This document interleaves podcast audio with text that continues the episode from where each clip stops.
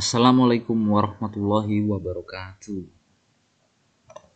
Ya, apa kabar anak-anak semua? Oke, ini podcast episode kedua. Gimana ya? Dari podcast pertama, ya semoga bisa berkesan untuk kalian gitu ya. Ada juga yang ngasih saran, gimana kalau kita collab bareng gitu. Ya, maybe next time lah. Kita atur waktu dan tempatnya nanti. Oke, di episode kedua ini saya akan melanjutkan materi terakhir gitu. Ah, bukan terakhir, maksud saya dari terakhir yang kemarin. Ini saya lanjutkan. Jadi terakhir kita sudah membahas tentang periodisasi semangat dan komitmen kebangsaan. Pada hari ini, saya akan membahas mengenai tentang Indonesia sebagai satu kesatuan atau Negara Kesatuan Republik Indonesia sebagai satu kesatuan. Apakah itu? Jadi kita akan bahas semuanya nanti. Seperti biasa, sebelum mulai belajar, tolong siapkan alat tulis ya karena kalian akan mencatat hal-hal penting dari apa yang saya sampaikan dalam podcast ini. Kemudian kalau ada undang-undang dasar di gadget kalian aplikasinya itu bisa sambil dibuka atau punya buku UUD ya karena kita akan menggunakan itu juga. Oke, kalau sudah siap, kita mulai. Nah, oke.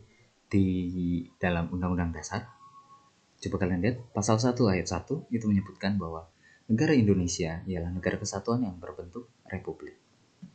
Kemudian, dalam pasal 37 ayat 5, di situ ditegaskan bahwa khusus mengenai bentuk negara kesatuan Republik Indonesia itu tidak dapat dilakukan perubahan. Dikarenakan MPR telah membuat ketetapan bahwa negara kesatuan Republik Indonesia itu tidak boleh diganggu gugat karena bentuk negara kesatuan bagi Indonesia sudah dianggap final dan bagaimana bentuk kesatuan Indonesia itu diawali dengan pemahaman bahwa walaupun bangsa Indonesia terdiri atas berbagai suku bangsa eh, kemudian ras tapi kita ini adalah satu kesatuan. Nah, di dalam subbab ini kan kita akan membahas negara kesatuan Republik Indonesia sebagai satu kesatuan.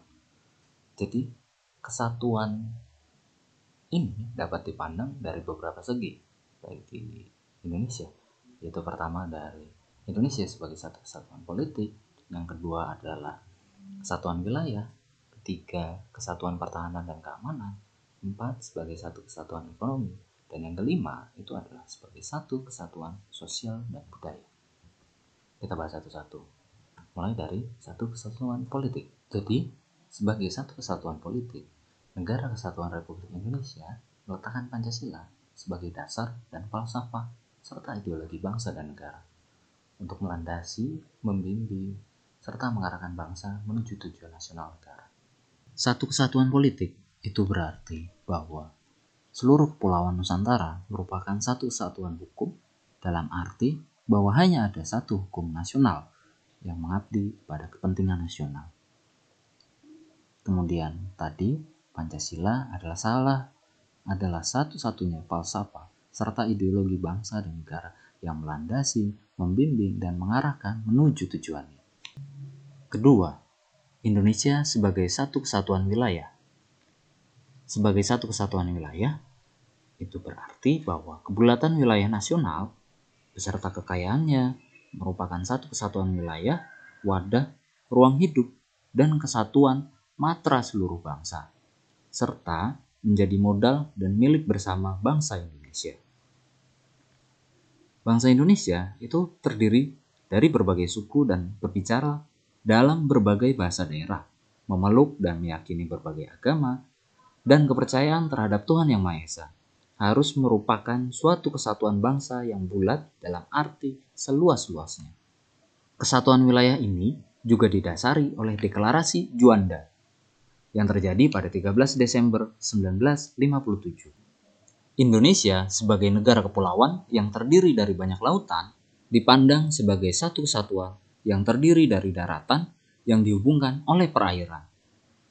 Dalam konsep ini, pandangan geopolitik Indonesia melihat bahwa unsur darat dan juga unsur lautan merupakan kesatuan termasuk ruang di atas kepulauan Indonesia adalah ruang hidup dan kedaulatan bangsa Indonesia. Penetapan konsep ini dipandang sebagai upaya untuk mewujudkan kebutuhan terhadap rasa aman sebagai bangsa. Yang ketiga, Indonesia sebagai satu kesatuan pertahanan dan keamanan.